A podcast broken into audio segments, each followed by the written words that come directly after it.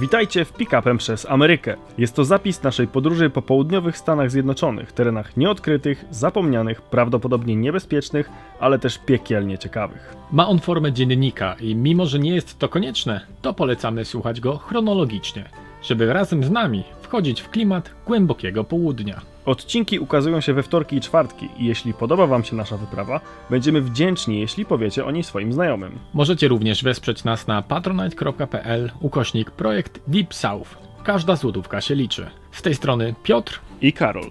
a teraz ruszamy. Za nami 4085 mil. Znajdujemy się w Natchez, Mississippi. Pogoda pochmurna. Temperatura 7 stopni. Warunki na drodze średnie. Krótkie ogłoszenie. 21 marca 2023 roku we Wrocławiu odbędzie się spotkanie, na którym na żywo opowiemy o naszej podróży. Link znajdziesz w opisie. Piotr, jak Ci się podoba życie dziennikarza śledczego? Ta tajemnica, która tutaj się buduje, z każdym dniem, zagęszczająca trwoga, która nas ogarnia, ta mgła niewiedzy, która czasem się zacieśnia, czasem się rozrzeca, jest intrygująca. Myślę, że to jest ten moment, w którym żaru- żałujemy, że nie wzięliśmy ze sobą tręczy i kapeluszy. Aha, no tak jak wczoraj lało, to byłoby idealnie jeszcze. Taka ulewa, a my w swoim kapeluszu, czarno-biało, z jakąś e, muzyką jeszcze taką ciężką. No, no Ale to by nie było tylko coś. kwestia tego, że lało. Dzisiaj rano, jak odwiedzaliśmy dom starców, dom spokojnej starości, żeby wypytać prawdopodobnie jednego z najstarszych obywateli Natchez, jak to tak naprawdę wyglądało? Jak historia tego miasta się potoczyła? Nie czułeś takiego vibe'u reportera śledczego z filmu? No jak już podjechaliśmy na wzgórze, na którym znajdował się ten, ten dom spokojnej starości z widokiem na miasto. I na rzekę most, trochę. No. No i kiedy rzuciłeś właśnie, że podjeżdżamy pod dom spokojnej starości, żeby podpytać jakiegoś starego typa, co nie wiadomo, czy w ogóle coś będzie pamiętał, ale może będzie brał dla nas jakieś wskazówki, no to rzeczywiście był taki klimat dobry. Dobry, gęsty, wręcz powiedziałbym. No i jak się okazało, miał wiele do odpowiedzenia. Mimo, że miał 90 kilka lat, to wypowiadał się płynniej i lepiej niż wiele osób w naszym wieku. Ale jak miałem jeden zgrzyt, w sensie myślę, że warto to poruszyć, będzie to temat kontrowersyjny. Mianowicie umówiliśmy się z Duncanem, który był potomkiem niewolników. Więc miał być Afroamerykaninem. I Tak. oficjalnie był. Ale jednocześnie był jedną z najbielszych osób, jakie znałem, stary.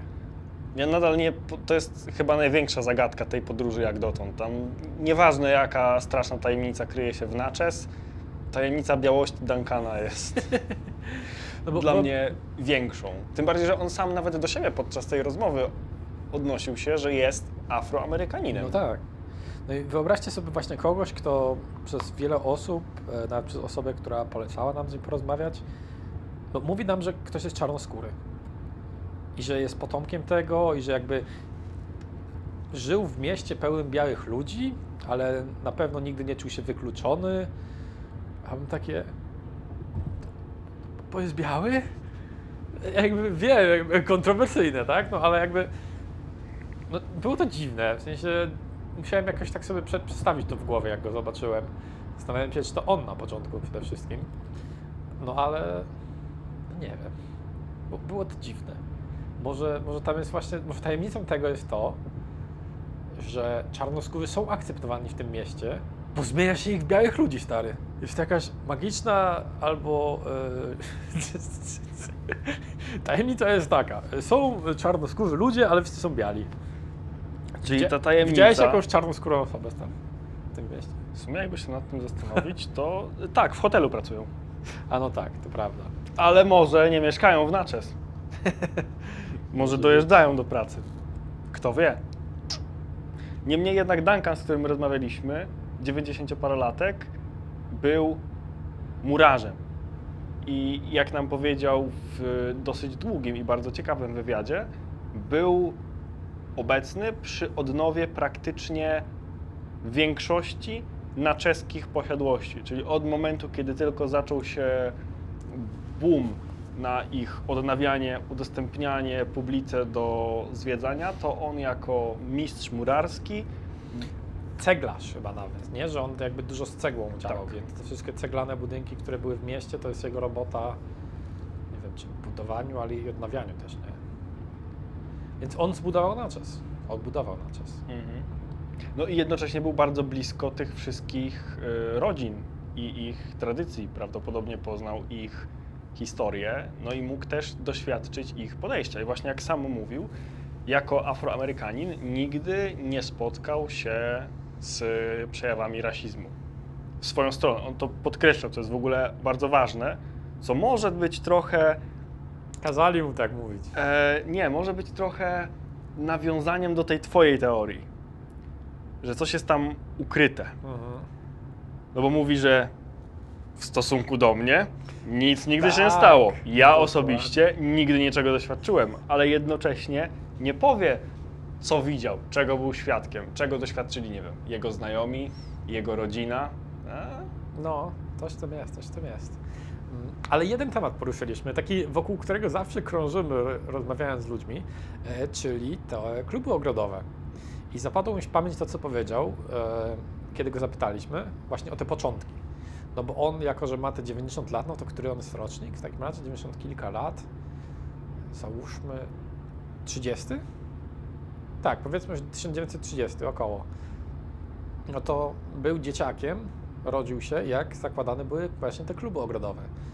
I powiedział na nasze pytanie właśnie, powiedział, jako kiedyś było, no bo na pewno było inaczej i tak dalej, że one były pretty hardcore, że były takie twarde, nieustępliwe. No i właśnie tak drążyliśmy trochę, o co tam chodzi. No i powiedział, że jeśli one czegoś chciały, w domyśle kluby ogrodowe, w domyśle kobiety, które trzęsły miastem, to to dostawały. To jest w ogóle dosyć śmiałe stwierdzenie, trzęsły miastem.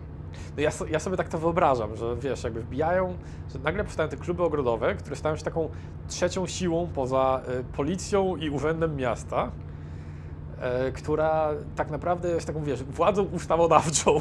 Ona mówi, zrobimy to, to, to i to i jak ci się nie podoba, to nie wiem, to zamykamy nasze posiadłości i nikt nie przyjedzie do naszego miasta i będziemy biedni. No w sumie znajduje to trochę odzwierciedlenie w książce Granta, bo on tam też tak przedstawia historycznie rolę klubów ogrodowych, ale myślę, że też to bycie pretty hardcore w kontekście tego, co powiedział Duncan, trochę mogło się odnosić do tego, jak bardzo one odtwarzały tradycje jak bardzo mocno były zanurzone w przeszłości. No bo jednak nie ubierały sukni stylizowanych na tamte czasy, tylko ubierały faktycznie suknie z tamtych czasów albo robiły ich dokładną reprodukcję No historyczną. Tak, tak. Rzeczywiście, bo teraz, w sensie po książce Granta to już na pewno o wiele bardziej jeszcze to zeszło. Właśnie to bezpośrednie odwoływanie się do tych dobrych czasów przed wojną secesyjną, no to na pewno do tego się to odnosiło, nie? Że teraz może być tak, no, nacze z posiadłości, fajnie, ładne, a 90 lat temu, przed wojną secesyjną to było to były czasy, dobre czasy, tu było dobrze, teraz jest źle. No, myślę, że to też, to też było to. Ja uważam, że to jest dobry moment, żeby oddać trochę sprawiedliwość ludziom, którzy tak mówią i tak uważają. Abstrahując od dzisiejszych norm moralnych i etycznych. Zastanówmy się nad tym. Natchez było pierwszą stolicą stanu Mississippi. Natchez w pewnym momencie było najbogatszym miastem w Mississippi. Mississippi i Louisiana Były w tamtych czasach były najbogatszymi stanami w całych USA. Było tam chyba najwięcej milionerów per capita, więc ogólnie rzecz biorąc, dla ludzi, którzy na pracy niewolników. mogli korzystać z tego systemu, którzy nie widzieli niczego złego w niewolnictwie, bo nie było podstawy do tego, żeby to widzieli. Dla nich to była norma. Tak. Tak jak dla ciebie normą jest to, że jak się pojawiają ciemne chmury i na przykład spada z nich deszcz, nie? Nie jest to dla ciebie czymś nowym, nie kwestionujesz tego.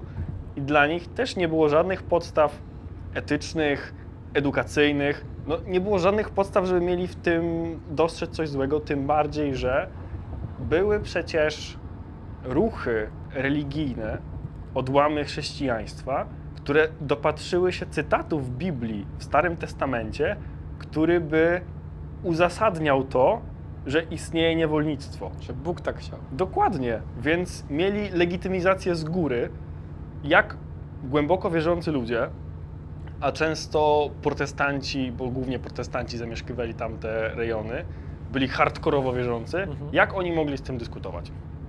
No nijak. I w momencie, kiedy żyjesz sobie w systemie, który korzysta z super koniunktury, super warunków rynkowych i wszystko się zmienia. Nie dość, że wojna rozwala całą gospodarkę, wojna przetrzebia populację, szczególnie męską populację, to na dodatek nie otrzymujesz odpowiedniej pomocy od rządu federalnego, w sensie cały ten okres rekonstrukcji nie do końca idzie tak, jak powinien i na dodatek coś, czego nie rozumiesz, nagle zaczyna się pojawiać, to zniesienie niewolnictwa. No to dla tych ludzi takie skrajne przejście od dobrze do źle, z ich perspektywy, z ich czasów, moim zdaniem, jeśli nie w 100%, to w dużej mierze zrozumiałe. No i zobacz, dla tych ludzi w latach 30. to jeszcze było takie w miarę świeże. No ich jakby rodziny. E, Ich rodziny, z którymi bezpośrednio dziadkowie, no. mogli porozmawiać, tak? Jeżeli, wiesz, ci ludzie mieli dziadków, babcie, no to tamci ludzie pamiętali jeszcze czasy przed wojną. Zróbmy prosty eksperyment myślowo-matematyczny. Może, może podołamy. Jest rok 1930. Masz, strzelam, 16 lat. Tak? To jest taki wiek, w którym już się e, rozumie pewne rzeczy. No to jeżeli twoja babcia ma, strzelam, 70 lat, Okej. To, no to była dzieckiem w momencie, kiedy była wojna secesyjna, takim małym, małym dzieckiem. Mhm. Ale jeżeli jeszcze twoi pradziadkowie żyją, no to oni mogli jeszcze doświadczyć funkcjonowania tego, innego. systemu przed wojną secesyjną, a na pewno dużo zostało przekazanych ze wspomnień, z tradycji i tak dalej twoim dziadkom, a oni na pewno przekazali to rodzicom, no bo jednak mentalność zmienia się dużo wolniej niż systemy polityczne. Bo przy systemie politycznym tak. czasem wystarczy pstryknąć, nie? I wprowadzasz nakaz. Nie ma jakiegoś takiego okresu przejściowego, że dobra, to przez 50 lat pofunkcjonujcie jeszcze sobie na tych zasadach, ale co 10 lat musi się o ileś tam procent zmniejszyć ilość czegoś na takich warunkach, bla, bla, bla, bla, bla. Nie, po prostu wchodzi decyzja, pyk, rozwiązujemy, zmieniamy, nie ma koniec. No, trudny temat, no bo jednocześnie tak, a jednocześnie no tak sobie myślisz. Nadal są to jednak Stany Zjednoczone i jedna część wie, że niewolnictwo jest złe, a druga uważa, że jest dobre. I na ile właśnie można usprawiedliwiać kogoś, kto żyje w tamtym systemie, że on po prostu bierze to jako normalność i nie chce tego zmieniać, albo walczy o to, żeby nie zostało zmienione, bo tak ma być, a na ile jednak trzeba dać jakiś zakres odpowiedzialności takiej osoby za to, że na przykład traktuje człowieka jak rzecz, nie? A, I no, to jest strasznie ciężki temat. Myślę, że usprawiedli... ja bym w ogóle nikogo nie usprawiedliwiał. Znaczy, no, wytłumaczyć trochę ich perspektywę, No, nie? bardziej na tej zasadzie, ale no, zobacz. Mm, poziom edukacji wtedy, świadomość, dostęp do mediów dużo mniejszy niż dzisiaj. Więc jeżeli w kościele pastor ci mówi, że jest to dobre i tak ma być, no to wydaje mi się, że szczególnie wtedy, szczególnie tam, Hmm. podważanie zdania pastora, podważanie Słowa Bożego, podważanie tradycji, dość śmiałe. No i nie zapomnijmy o tym też, że Stany Zjednoczone teraz mogą nam się wydawać, czy z perspektywy powiedzmy, nie wiem, ich złotego okresu w latach 50. takim niesamowicie rozwiniętym i światłym miejscem. Ale rozwinięte, światłe, naukowo i myślowo, nie oszukujmy się, to była północ. Środowiska akademickie skupione wokół, nie wiem, Princeton, Harvardu, Columbii, Browna, Cornella i tak dalej. A południe, prowincja, czym to się różniło tak naprawdę od carskiej Rosji, jeżeli chodzi o rozwój No. w wielu miejscach? Niczym. To była totalnie dzika ziemia, która jako jedna w ogóle z ostatnich została zamieszkała ze względu na warunki, które tam panowały. I rok 1930 na amerykańskiej prowincji, gdzieś w Mississippi, w Luizjanie, ale nie tylko, bo pomyślmy też o tym dalekim zachodzie, o regionie Pacific Northwest, o Montanie, albo nawet o Arizonie, w której panowały nieludzkie warunki temperaturowe. No to jest hardcore. To nie jest. To nie są wielkie miasta, opery, dworce typu Grand Central i tak dalej, tylko to jest drewniana zabudowa i radość, jeżeli kolej żelazna dojeżdża raz na miesiąc. Co tylko pokazuje po prostu patologiczne warunki, w jakich wszyscy ci ludzie funkcjonowali. Niezależnie od tego, czy byli milionerami, czy nie. Mhm. Duncan w ogóle mówił o tym, że miasto jako nacze samo jest sobie liberalne. Mimo, że no jest w Mississippi, to jednak widzimy takie przejawy tego, że jednak większe ośrodki, właśnie nie miejskie, e, raczej skłaniają się ku bycia niebieskimi, czyli demokratami. I ogólnie taki, po, taki podział polityczny USA często wygląda właśnie tak, że tereny wiejskie, e, podmiejskie cza- czasem e, są czerwone, czyli republikańskie, a duże ośrodki, centra miast są właśnie demokratyczne. Nawet jeśli chodzi o, nie wiem, na przykład Teksas, to na przykład Austin jest e, demokratyczny. To jest ciekawe, bo Austin jest naprawdę dużym ośrodkiem. No, ale Austin, Natchez mieszka 15 tysięcy ludzi. no 15 tam, no tak, tak, tak. No, ale też największym miastem, stolicą Mississippi jest Jackson, który ma chyba 150 tysięcy, nie? Więc jakby skala jest tutaj całkiem różna, ale widać, że jednak co, coś w tym jest, nie? Że jakby jak ktoś mieszka w dużym skupisku takim miejskim, to jednak raczej są to ludzie bardziej liberalni. Ciekawostka, że w Natchez kilka lat temu burmistrzem był Czarny gej. i miał 92% poparcia, nie? Ale, nie, ale widzisz. I widzisz. Ale nie chciał startować na kolejną kadencję. Dlaczego? Czyżby Może- tutaj też jakaś tajemnica była? Może chciał, ale ktoś mu powiedział, że ma nie chcieć. No właśnie.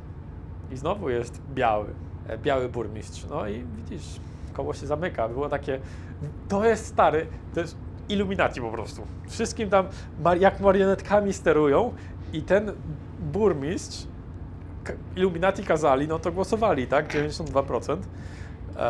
I przez to, że był te 4 lata czy ileś, to teraz mają taką kartą, kartę pułapkę, którą mogą użyć za każdym razem, kiedy mówi, że są nie, kiedy ktoś mówi, że naczes jest nie- nietolerancyjne, oni mówią po prostu, no ale przecież mieliśmy czarnoskóry, czarnoskórego geja burmistrza. Czyli jak karta pułapka przeciętnego starego, który mówi ja znam jednego geja. Tak.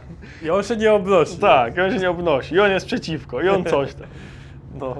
Usłyszeliśmy też parę, kilka ciekawych historii e, o Nelly Jackson z burdelu i o tym, że Natchez właśnie przyciąga takich ekscentrycznych ludzi, co też właśnie korelowałoby tym, z tym tą demokratycznością, bo są ludzie bardziej nie wiem, otwarci światopoglądowo na różne rzeczy, często jakiś tam właśnie ekscentryczni, więc niekonserwatywni i że mniej się ocenia, nie? Natchez. Co też domyślam się, że im większy ośrodek miejski, tym trochę mniej się ocenia, bo nie wiem, mniej znasz swoich sąsiadów, innych ludzi, raczej spotykasz więcej obcych ludzi niż jakieś takie hermetyczne społeczności. Ale pytaliśmy też o Goat Castle, żółtą hrabinę i inne legendy tego miasta. Tak, to są właśnie te ekscentryczności, które bardzo często wynikają chyba z majątku. Że jeżeli jesteś bogaty, ale coś pójdzie nie tak w Twoim życiu, to masz możliwości do tego, żeby uzewnętrznić swoje szaleństwo w pewien sposób albo swoją ekscentryczność. Tak jak na przykład Żółta Hrabina, jedna z legendarnych postaci e, żyjących e, w naczeskich posiadłościach.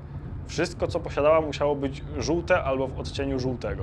Łącznie z meblami, nie tylko chodziło o stroje, więc wszystko w środku było żółciutkie. A Goat Musi być, I to ona była prekursorem mówienia, musi być bardziej żółte. jest ciekawe. Dokładnie. A Goat Castle, o którym powiedziałeś, było miejscem, w którym właściciele popadli w biedę. Tam dokładnie było tak, że chyba właściciel, jeśli niczego nie przekręcam, był pianistą. Muzykiem bardzo szanowanym, utalentowanym i w wyniku nieszczęśliwego wypadku Straci możliwość gry. no. tak, tam był jakiś problem z, z jego ręką. No i popadł po prostu w taką depresję połączoną z szaleństwem, że swój dom zamienił w melinę. Totalnie nie było tam sprzątane, więc śmieci się po prostu piętrzyły, w związku z czym do sufitu było coraz bliżej.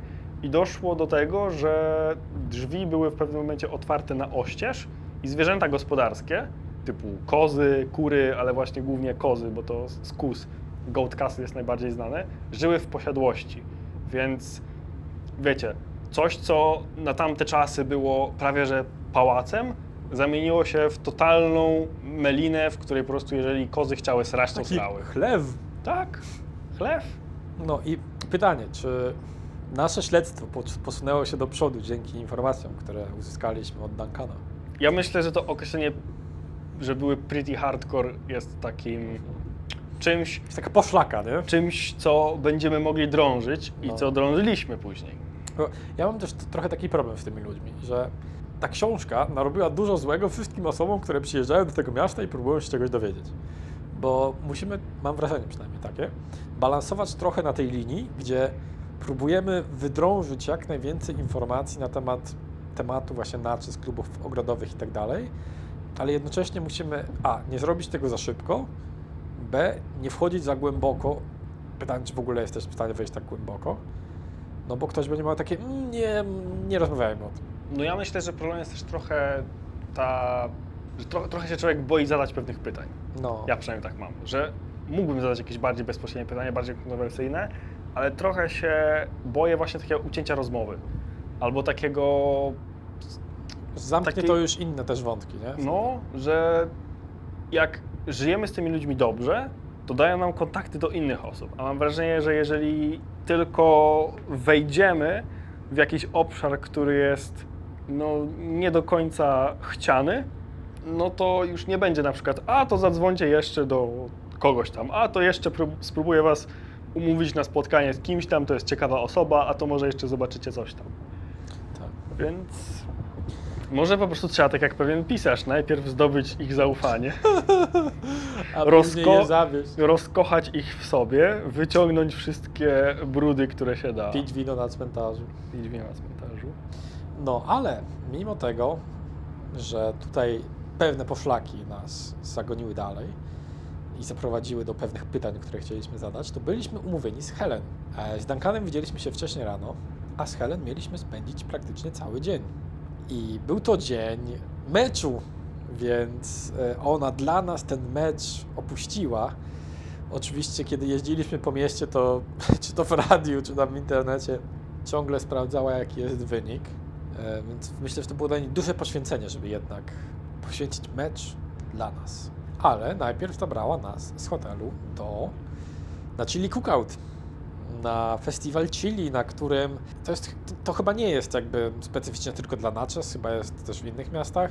Polega Chili jest w ogóle jedną z popularniejszych rzeczy. W sensie z popularniejszych dań w Stanach Zjednoczonych. Jest to kultowe jedzenie. Ale też jakby w Natchez jest to związane, w ogóle Natchez, jak się okazało, ma, no nie powiedziałbym wpływy meksykańskie, bo nie ma tak realnie oprócz jedzenia, że robotnicy, którzy tam po, zniesieniu, po zniesieniu niewolnictwa i tam w XX wieku przyjeżdżali właśnie z Meksyku na zbiory, często przywozili swoje zwyczaje kulinarne, więc jakby domyślam się, że też Chili jest jakimś takim, taką naleciałością. O tym myślę jeszcze więcej powiemy. Festyn charytatywny. Konkretnie rzecz biorąc, pieniądze były zbierane na jedną ze szkół w Natchez. Organizowane to było wszystko chyba pod auspicjami klubu rotariańskiego. O klubach rotariańskich też za, za chwilę będzie trochę więcej. No ale i znowu powtarzając się, obrazek jak z filmu. Różne firmy, różne organizacje typu strażacy, ale też e, różne kluby muzyczne. I jacyś ekscentryczni ludzie też tam byli. Dokładnie tak. Tak, ka- co ważne, każdy ma swoje stoisko. Taki namiot. Tak. I też przyozdobiony po swojemu, więc jeżeli ktoś na przykład był związany z kulturą motocyklową, no to były tam charakterystyczne dla motocyklistów, wiecie, takich typowych amerykańskich bikerów rzeczy. Jak byli strażacy, to były strażackie rzeczy. No i była tam ta taka charakterystyczna dla Amerykanów rzecz, czyli kompetytywność. Oczywiście był konkurs na to, kto ma najlepsze chili i każdy z uczestników dostawał dwie karteczki, na których mógł oddać głos na najlepsze chili. Co ważne, trzeba było oczywiście kupić te karteczki, żeby móc zagłosować, więc to chyba kosztowało 3 dolary, co Helen nam postawiła. No tak, to 3 albo 7 dolców to było wpisowe. tak. W sensie wejściówka. Wejściówka na, yy, na, na cały ten festiwal. Dostajesz kubek i możesz jeść, ale możesz jeść ile chcesz. Gdzie możesz podchodzić do każdego stoiska, Gdzie każdy ma Brać. swoje własne chili przygotowane według własnej receptury i każde najlepsze i lepsze od tego stanowiska, które jest po lewej i tego, które jest po prawej i każdego innego. Dokładnie, więc możecie próbować na każdym za te 7 dolarów i na, na każdym możecie prosić o dokładkę, no bo zjedliście, ale na przykład próbowaliście inne, to wydaje się najlepsze, więc musicie porównać, musicie spróbować jeszcze raz, więc za te 7 dolców można się było tam obeżreć, absolutnie obeżreć i spróbować naprawdę pysznego chili. Jestem przekonany, że jak nie lubię gotować, to jak wrócę do Polski, to będzie coś, gdzie będę szukał przepisów i próbował to zrobić. Mogłeś pytać na bieżąco. Nie zapamiętam. Ale co było miłe, to Helen, e, przekupiając nas, jak się okazuje teraz, no, e, kupiła nam też po jakichś lokalnych wyrobach, miskach, e, które będziemy musieli przetransportować jakoś do Polski. Ale no, nadal było to miłe, że postawiła nam. wi- Widzisz, jak oni nas manipulują, stary? Postawiła nam wejście na chili, więc jedzenie przez żołądek do serca, tak? Na dodatek sprawiła nam prezent i później jeszcze cały dzień, stary, cały dzień woziła nas w miejsca, które chciała nam pokazać, żebyśmy przypadkiem nie trafili tam, gdzie chciałaby, żebyśmy nie trafili. Coś tu Ale jest, z grubego. drugiej zaś strony na przykład yy, sugerowaliśmy, gdzie chcemy pojechać. Jak powiedzieliśmy o Nellie Jackson, czyli najbardziej znanej właścicielce domu publicznego w pewnym momencie w Natchez, to powiedziała, nie ma problemu, jedziemy pod dom Nellie Jackson. Akurat blisko mieszka mój zięć, szwagier, ktokolwiek, yy, to pokażę wam od razu jego dom, ale super. Jeżeli powiedzieliśmy o targu niewolników, bardzo trudny temat, a w Natchez był chyba trzeci co do wielkości największy targ niewolników w Stanach Zjednoczonych. Powiedziała, jasne, niedawno postawiono tam super tablice pamiątkowe, możecie się dowiedzieć całej historii, to jest bardzo smutne miejsce i tak dalej, i tak dalej. Pojedziemy, zobaczymy, przy okazji pokażę Wam okolice, bo jest ona w tej części Natchez, która jest zamieszkana obecnie głównie przez Afroamerykanów Czyli biedna część. i są to tereny zdecydowanie biedniejsze. Zaczęliśmy tak naprawdę od wyprawy do kościoła, gdzie pokazała nam jakiś właśnie jakiś starszy kościół, gdzie była też jednak e, wystawa fotografii, która była naszym celem. Był to kościół prezbiteriański, jeżeli dla kogoś jest to istotne. I wystawa fotografii była mega ciekawa z tego powodu, że składała się z bardzo starych zdjęć. Zdjęć, które tak naprawdę w pewnym momencie zaginęły, ale zostały odnalezione przez lokalnego. No wiecie, w tamtych czasach to było tak, że jak ktoś się interesował trochę jakby nauką i innymi rzeczami, to trochę miał dużo wiedzy z różnych tematów. Nie, nie tak jak teraz raczej jest się jakimś specjalistą, tylko nagle miało się robić wszystko naraz.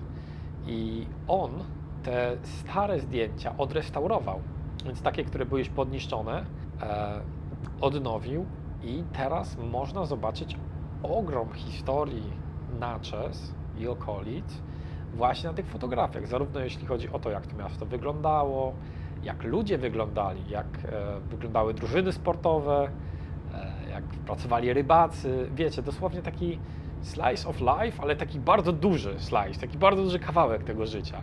Nie, że tak, że ktoś zrobił dwa zdjęcia i macie takie, oto historia Natchez, nie? Tylko naprawdę żywa historia. Plus chyba większość tych zdjęć była cyfrowo odrestaurowana, odnowiona, więc jakość, wyrazistość szczegółów dla osoby, która jest takim typowym historycznym świrem, który uwielbia detale i tak dalej, to dosłownie kopalnia złota. Mhm. No i też ładne zdjęcia przede wszystkim. Ej, przecież Karol, to jest historia trochę jak taka True Detective, że wchodzimy do tego kościoła i tam przecież jest typ, który tam pracuje. Tak. I stoi tam na drabinie i coś robi. I dosłownie jak z filmu, nie? I zaczynamy normalną konwersację, Helen się z nim zna, a on dostał po dupie w książce jako rasista. Tak. Niesłusznie został oskarżony o Niesłusznie, tak? rasizm. Chyba tylko ze względu na to, że przynależał do kościoła baptystów Southern Baptist pewnie. No. i ktoś tam coś poprzekręcał i no, realnie typowi praktycznie zniszczyło to życie. W związku z tym, mimo że był ważną postacią w książce i próbowaliśmy się trochę podpytać, czy by coś nie mógł powiedzieć i tak dalej, to Helen kategorycznie powiedziała, że nie będzie miał ochoty, bo jest to dla niego zbyt traumatyczne.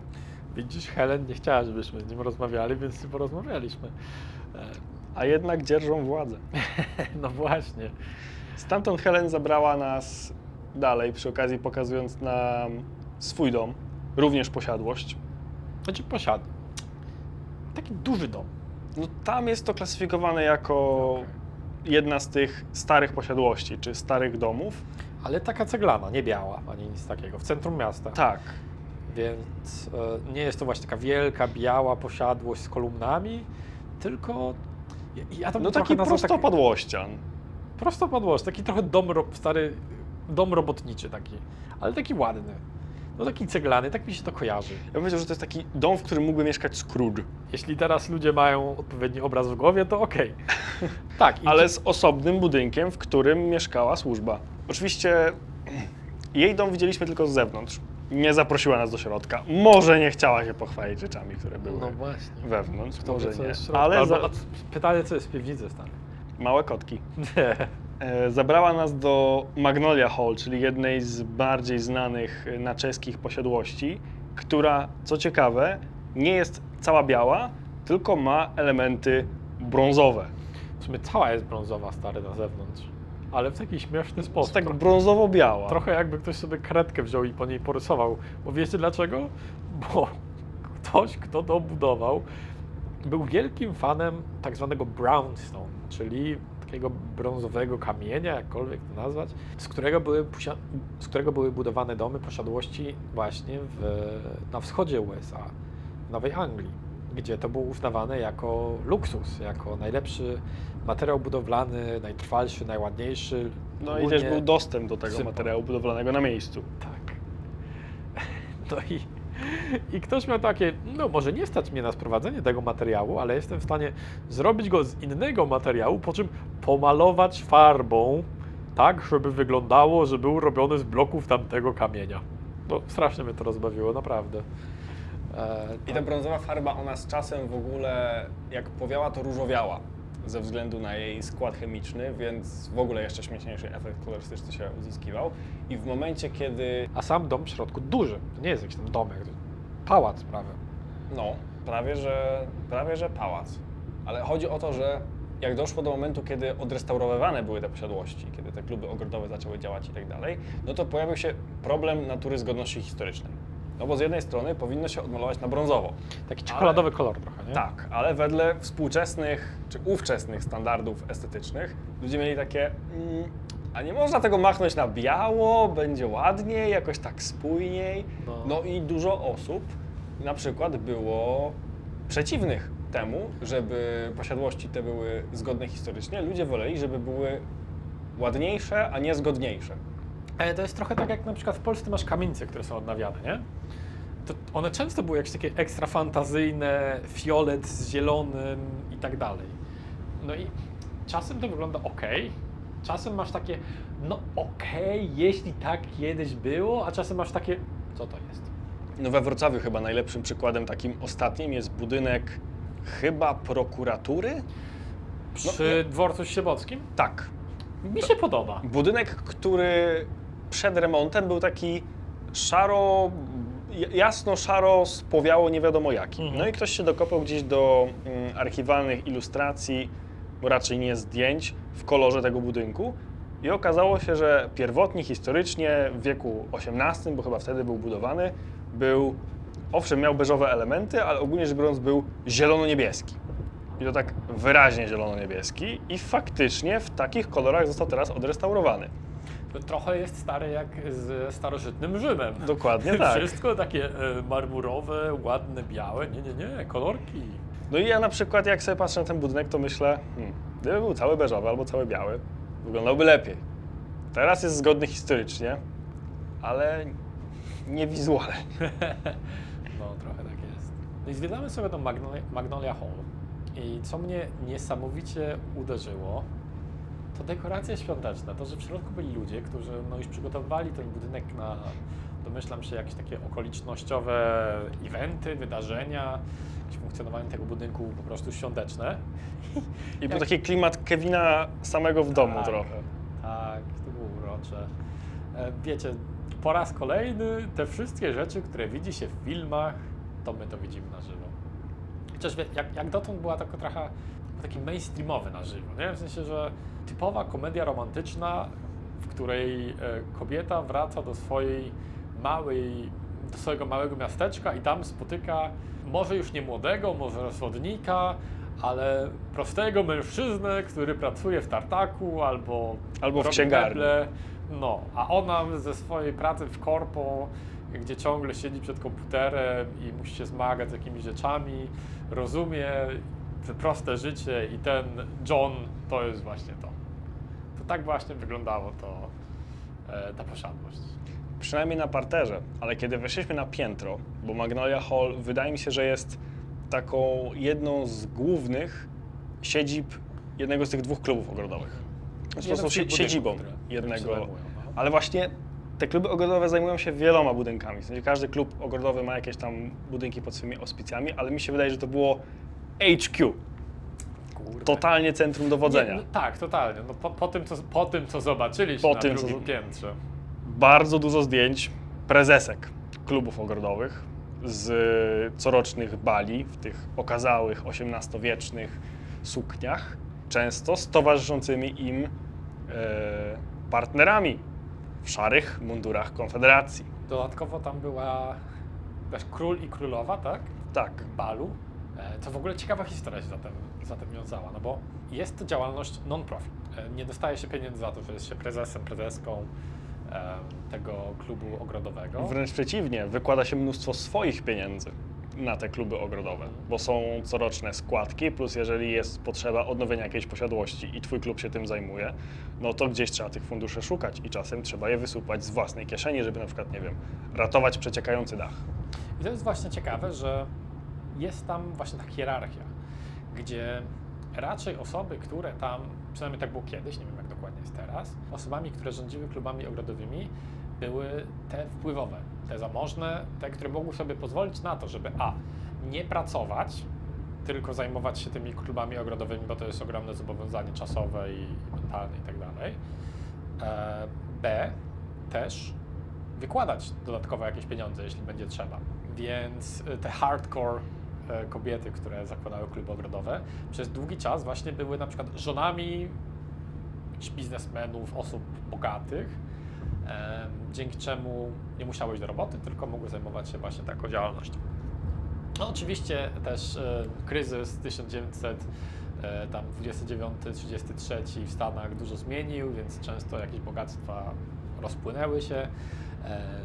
Nie były to domy na kredyt hipoteczny, więc przynajmniej to mieli swoje. Mm, No, ale była też, tam też król i królowa balu. No i dopytujemy oczywiście, jak to tam jest, bo teoretycznie, jak pewnie kojarzycie z jakichś tam high school movies, no to jest to często jakaś e, najładniejszy, najprzystojniejszy mężczyzna, najbardziej popularny oraz analogicznie jakaś dziewczyna.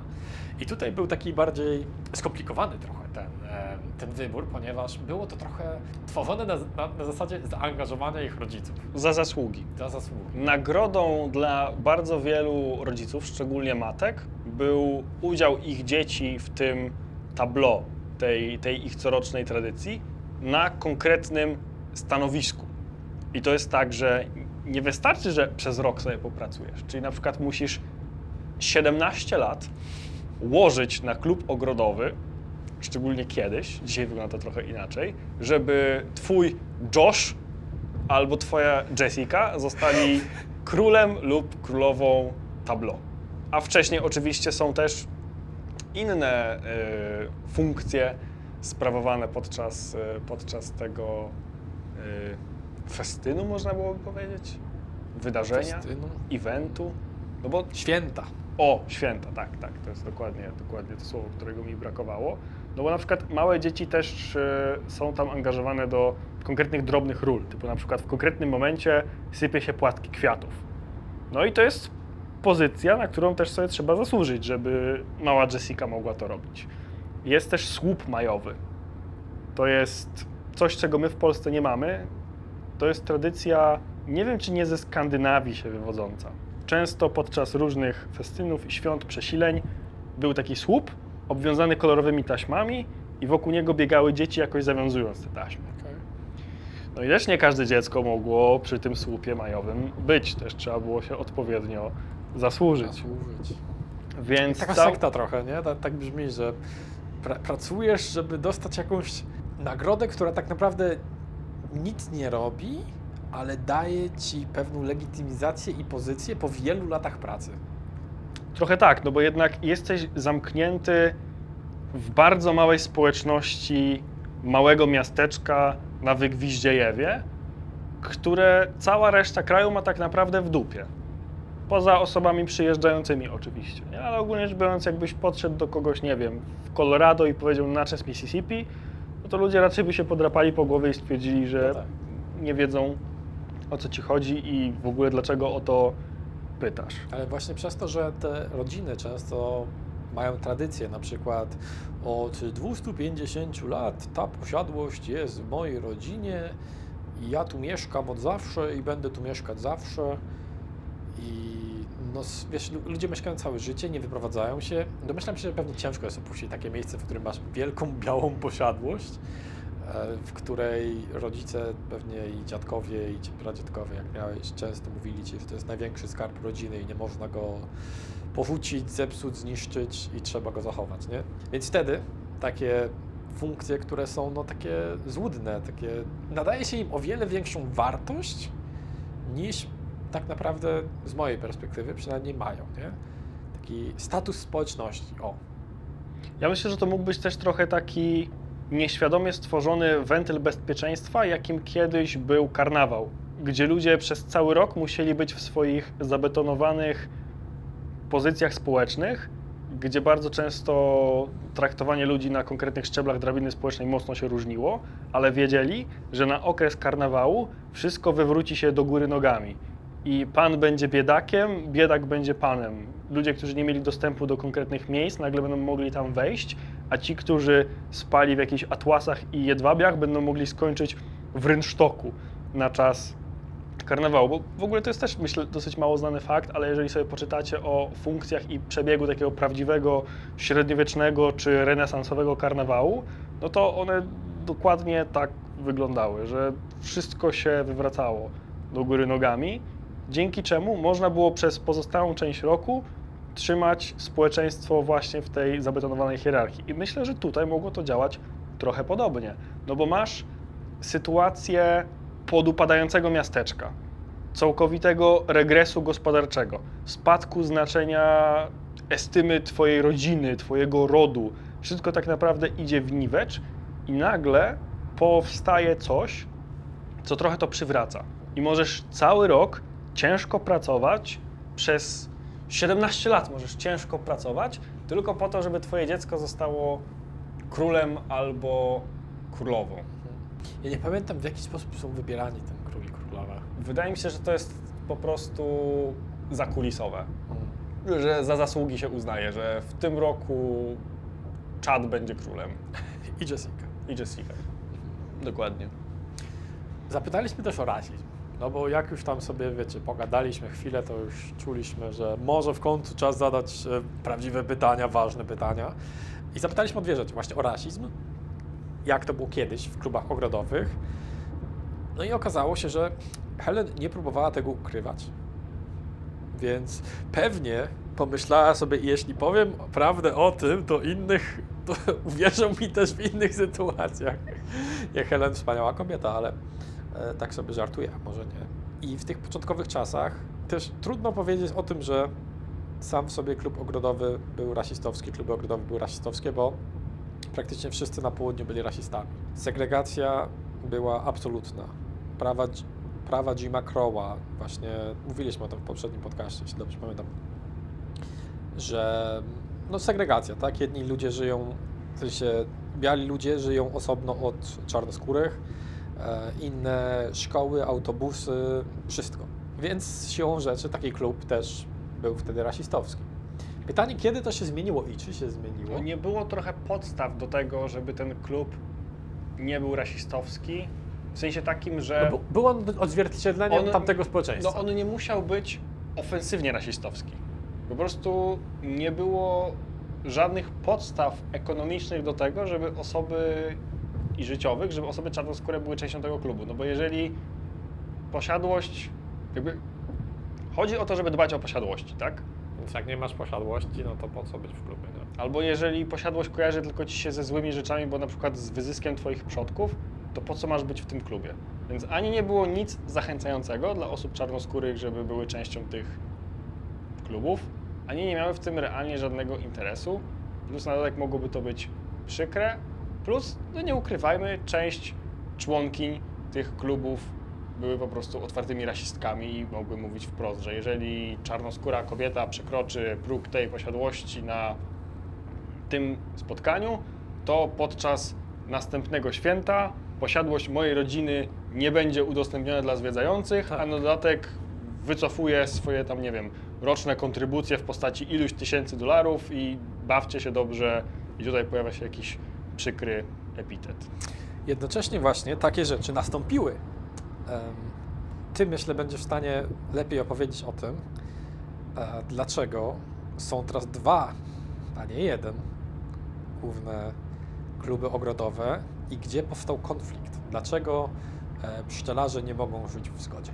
No właśnie trochę poszło o kwestie rasowe i kwestie zgodności historycznej. W pewnym momencie, kiedy zaczęło dochodzić na południu do zrozumienia tego, że nie wszyscy rozumieją tradycje związane z Konfederacją, z wojną secesyjną, tak jak ci ludzie to rozumieją. I dla zwiedzających już pewne elementy mm, tych przedstawień były na przykład ofensywne w pewnym sensie, albo Niepokojące, niefajne, dziwne. niepokojące, bo jeżeli wynajmowało się małe, czarne dzieci tylko po to, żeby utrwalać pewien stereotyp, że one sobie po prostu siedziały na brzegu sceny i jadły arbuza, no to w pewnym momencie ludzie się zaczęli zastanawiać, po co? Dlaczego? Tam oczywiście w historii tych klubów ogrodowych była cała masa paradoksów związanych z próbą znalezienia złotego środka. Bo na początku często na przykład przy tych y, obchodach byli zatrudniani czarni do, jako, nie chcę powiedzieć służący, ale na przykład jako kucharki, kelnerzy, e, parkingowi i tak dalej. Więc nie fajnie, bo utrwalanie niskich ról zawodowych i społecznych wśród Ale- tej grupy. Ale z drugiej Więc strony wymi- płacisz wy- komuś za to, żeby wykonał po prostu pracę, nie? Wymieniamy ich na białych. Mm. O, nie dajecie czarnym pracować, bo jesteście takimi strasznymi rasistami. Zaczynają No. pojawiać się takie głosy. To dajmy trochę białych i trochę czarnych. O, biali zabierają miejsca pracy czarnym, a mogliby jakby nie dogodzisz. No niestety mm, historia tych przemian społecznych w Stanach bardzo często wiąże się też z takim szukaniem dziury w całym. Że cokolwiek nie zrobisz, to i tak zrobisz to źle, więc w pewnym momencie się wkurwiasz i nie chcesz robić nic, Mm. bo masz po prostu serdecznie dosyć. No ale w każdym razie przyczyną tej y, niesnaski i podziału jednego klubu ogrodowego na dwa było właśnie to, co można zmienić, co należy zostawić, e, do czego konkretny klub ma prawo i tak dalej. No i było to na tyle dużym problemem, że po prostu się panie podzieliły. Też jednocześnie Helen skontrowała nasze pytanie o negatywne strony tego miasta. Tym, że podzieliła się historią dokładnie taką samą. Stary, może to jest jakiś po prostu playbook typu Słuchaj, jeśli ktoś pyta o twoje miasto i pyta, co jest tam nie tak, to powiedz, że no coś tam jest nie tak, ale opowiedz historię o tym, jak jakaś para przejeżdżała przez miasto, zatrzymała się na jeden dzień, po czym uznała, że chce zamieszkać w tym miasteczku i od razu kupiła dom, bo to właśnie powiedziała. No i od razu mi się przypomniała, że dokładnie taka sama historia wydarzyła się w miasteczku Pidgeot, w którym ja też czułem jakąś intrygę, jakąś tajemnicę, więc może po prostu była na szkoleniu e, małych tajemniczych miasteczek. I tak jej kazali powiedzieć. Ale myślę, że warto też oddać na czas pewną sprawiedliwość, bo tak się zafiksowując tylko na tych klubach ogrodowych, na jakichś tradycjach konfederackich i tak dalej, można na przykład umknąć sporo faktów z historii tego miasta, że było to jedno z pierwszych miejsc na południu, gdzie nawet jeżeli nie do końca legalne, co brzmi absurdalnie, to akceptowalne społeczne zaczęły być małżeństwa mieszane. Po huraganie Katrina w Natchez, ze względu też ogólnie na to, że dużo posiadłości czy starych okazałych domów było tanich, zaczęło się sprowadzać tam bardzo wielu gejów z Nowego Orleanu. Wręcz niektórzy mówią, że Natchez jest taką gejowską stolicą południa Tak. No. że mieszka ich tam po prostu cała masa. No, fakt tego burmistrza, o którym już mówiliśmy, ale też ten dom publiczny, czy też burdel, mówiąc wprost, należący do Nelly Jackson, która była czarną kobietą, tam otwarcie biali panowie chodzili korzystać z usług często czarnych prostytutek. I też nikt nie miał z tym problemu, gdzie w wielu innych miejscach takie e, przybytki, jeżeli mogłyby funkcjonować, to mogłyby funkcjonować tylko w biednych okolicach, gdzie tylko czarni mogą żyć, a ten burdel funkcjonował w, praktycznie w centrum miasta. Jest taki cytat, e, nie pamiętam go dokładnie, ale sens przekażę, z Django, wspaniałego filmu Tarantino, kiedy są u Leonardo DiCaprio, a raczej postaci, którą on gra, to on mówi, że jak raz zasmakujesz czarnego, to później już nie możesz się od tego obejść, coś takiego. E, gdzie no sama ta postać grana przez niego była ultra rasistowska, no i jakby niewolnicy traktowani ich jak zwierzęta i tak dalej. E, no ale widać, że na, nawet tam był taki wątek, więc no i ruszyliśmy, pojeździliśmy sobie po, jeszcze po mieście. E, Helen zabrała nas w miejsca, które sama wybrała i które my sobie wybraliśmy. Byliśmy, tak jak mówiłeś, w tym miejscu, gdzie był targ niewolników. No, był, były tam trzy tablice, które opisywały, co tam było. Niezbyt wiele, ale co ciekawe, widać, że jest uspójniony system takich atrakcji historycznych, że tablice, które opisują coś, są wedle konkretnego wzoru, takiego bardzo fajnego, nie jakiegoś tam brzydkiego, nowoczesnego jakiegoś, ale takiego klasycznego, jakby to, jakby w XIX wieku ktoś postanowił, że tutaj damy informacje na temat historycznego miejsca. Nie? I bardzo ładnie to wygląda. E, Wiele się tam nie dowiedzieliśmy, ale nadal fajnie, że, że o tym pamiętają. Bardzo dużą akcją też było to, że to się chyba nazywało Take a Stand, czy coś takiego, gdzie głównie czarni, ale też, też biali obywatele Natchez protestowali właśnie przeciwko segregacji i przeciwko niesprawiedliwości społecznej, która się tam działa. I wielu ludzi zostało tam właśnie na przykład wywiezionych do więzień, trzymanych w jakichś nieludzkich warunkach. Do jednego Bez- konkretnego więzienia i bardzo długo byli tam trzymani w ogóle bez żadnych podstaw. bez właśnie oskarżenia formalnego, nie? Po prostu przetrzymywani, e, co jasne, po to, żeby ich tylko zastraszyć. Więc teraz jest to trochę taki dumny moment miasta, w sensie absurdalne trochę, nie? Że jakby dumny, że byli ludzie, którzy chcieli się temu przeciwstawić, tej niesprawiedliwości, która wtedy tam była. E, no i ten pomnik też tam widzieliśmy. Ładny, fajny. No problem jest taki, że chyba finalnie nikt nie został pociągnięty do odpowiedzialności za to.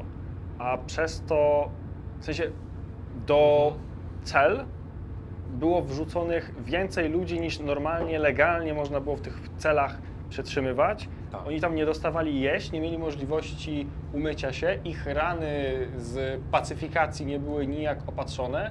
Były tam kobiety w ciąży, osoby starsze, osoby bardzo młode, wszyscy trzymani razem i realnie ileś osób doznało poważnego uszczerbku na zdrowiu. W związku I z nikt, tym. nie? I Właśnie. nikt no, nic z tym nie zrobił i nie został pociągnięty do odpowiedzialności. I dziś próbuje się rozliczyć to. Myślę, że też takim może nie tyle pozytywnym, co mm, interesującym aspektem ruchów historycznych i pamięciowych jest to, że próbuje się odtworzyć tożsamość często bezimiennych niewolników. Gdyż bardzo często na jakichś dokumentach ze sprzedaży e, widniały tylko informacje typu negr, płci męskiej, wieku takiego i takiego, wzrost, cechy szczególne i tyle. Więc ludzie stawali się no, bezimienni. Linijkami w tabelce. Przestawali być tak naprawdę osobami, stawali się przedmiotami, również w obliczu administracji w pewnym sensie. I dziś próbuje się odtworzyć różnymi metodami, wspominkami, e, pamiętnikami, listami, e, zdjęciami, jeżeli jakiekolwiek były, kim ci ludzie byli, skąd pochodzili i jakie są ich, jakie były ich dalsze losy, no bo wielu z nich przecież zakładało rodziny i kontynuowało e, swój ród w pewnym sensie w skrajnie niesprzyjających warunkach. Na sam koniec, kiedy Helen nas odwiozła pod hotel, tak chyba było już po 17, po zachodzie słońca, no to już mieliśmy iść, ale jeszcze siedzieliśmy 40 minut chyba w tym samochodzie i gadaliśmy o różnych rzeczach. Co ciekawe, dużo rozmawialiśmy o Polsce. Była Tak. strasznie zaciekawiona Polską. Dopytywała, jak to tam jest, jak się żyje. E, No i to jest ciekawe, kurczę, karta Polaka, tak, otwierająca wszystkie drzwi, e, wyjście z więzienia, wszy- wszystko w jednym. O tym, o tym na szczęście jeszcze się nie mieliśmy okazji przekonać i obyśmy nie musieli. No, więc pogadaliśmy sobie, e, będziemy w kontakcie. Może coś uda się jeszcze kiedyś na przykład przyjechać tutaj na dłużej, jak już stąd pojedziemy, odkryć tajemnicę, wejść tak na dobre do tej społeczności. No ale to nie, nie koniec naszej przygody. To nie koniec naszej przygody. Jeszcze tego dnia mieliśmy okazję iść na najlepsze wydarzenie, jakie dzieje się w Natchez każdego roku. Festiwal Światła. Lokalny artysta, wizjoner, innowator będzie malował światłem. Jeśli nie wiecie o co chodzi, to jest to technika e, takiego mappingu na budynkach, gdzie z projektora wyświetla się de facto film, e, który jest taką trochę animacją wyświetlającą się na budynku. To jest zawsze dostosowane do konkretnego budynku, więc jeśli gdzieś ma okna, kolumny i tak dalej, no to właśnie na tych konkretnych, specyficznych em, elementach wyświetlane są specjalnie customowe, dostosowane do tego budynku obrazy. No i ja byłem kiedyś, to chyba było, nie wiem, w Belgii albo gdzieś. Byłem w takim super map- mappingu, takim, że po prostu rozwalał głowę. Wszystko tak pięknie było zgrane na jakimś wielkim budynku na dodatek. I widać, że. Znaczy, to było też w oddali, więc jakość tego mappingu, w sensie pikseli i tak dalej, nie była aż tak widoczna. Tutaj była trochę bardziej, było to bliżej. No ale jakby jak na to, jak było to przedstawiane, to mi się trochę nie chciało iść, ale miałem takie chodźmy. nie było warto nic a nic. Ale znowu był taki element trochę detektywistyczny. Pamiętasz, gdzie zaparkowaliśmy? Przy opuszczonej szkole. Zgadza się. Wiecie, zabite wejścia, część powybijanych okien, z tyłu za tą szkołą była w ogóle taka ściana jakby do odbijania piłki z różnymi napisami, jakimś tam graffiti. Tam oczywiście masa ludzi stawała, to nie jest tak, że my zajechaliśmy Był to parking do wydarzenia też. E, dziwnego zaplecza. Nie, ale tylko no, my tam byliśmy, Karol. My i dziwny starzec, który coś do nas mówił. Było tak. No. No, no niemniej jednak klimat był dosyć osobliwy, no to malowanie światłem, jak się domyślacie, pewnie nie było to najlepsze. no było to bardzo słabe, ale jednocześnie no, no tak to jest, nie? Jakby masz małe miasteczko, to też nie ma co, nie ma co wymagać. Jakby, jak byliśmy w Nowym Orleanie, nie? to jakby tam było, był jakiś taki pokaz, to, to domyślam się, że byłby zajebisty. No bo jednak jest to ogromne miasto, ilość turystów, która może się pojawić, będzie większa. Jeśli nie wiem, to miało być biletowane, nie biletowane, nieważne. No ale trochę, tak jak sobie myślę, na przykład o Pidgeot i o tym, ile, ile ludzi tam prawdopodobnie przyjeżdżało do tego muzeum, to no nie wiem, ile, ile tam dziennie osób mogłoby przyjechać. Dwie? Tak, tak sobie pomyślałem, jakby realnie. Ile rocznie osób może odwiedzić to muzeum? Tysiąc?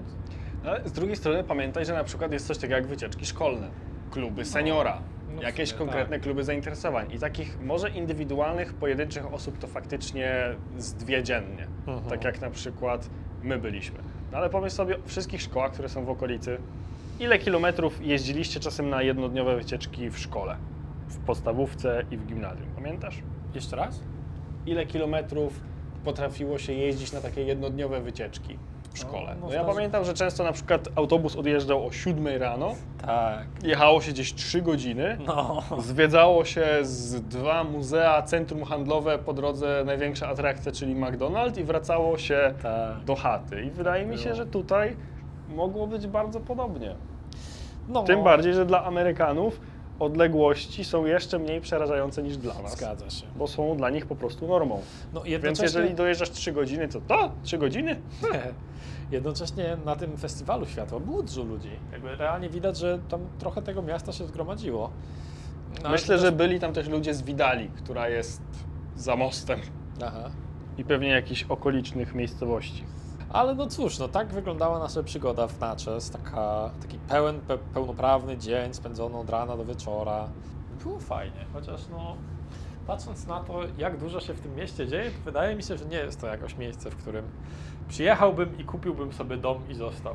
Ale kto wie, kto wie, może kolejne dni przekonają mnie, że powinno być inaczej. Może będzie coś, albo ktoś, Albo ktoś. że stwierdzisz, Warto. Chciałbym. Tak jest. Albo po prostu rozwiążesz zagadkę i stwierdzisz, nie, w tym piekle na ziemi nigdy. Mogłoby tak być. Dziękujemy Wam bardzo za dzisiejszy podcast, wysłuchanie go. Znaczy dziękujemy, dziękuję nam za, za stworzenie go i dziękuję Wam jako odbiorcom. Piotr Karwala, Karol Majchrzak, pick-upem przez Amerykę. projekt Deep South. Cześć. Do usłyszenia. Podoba Ci się podcast? Wesprzyj nas na patronite.pl ukośnik projekt Deep South i obserwuj na mediach społecznościowych, Instagramie, TikToku i YouTubie. Wszystkie linki znajdziesz w opisie.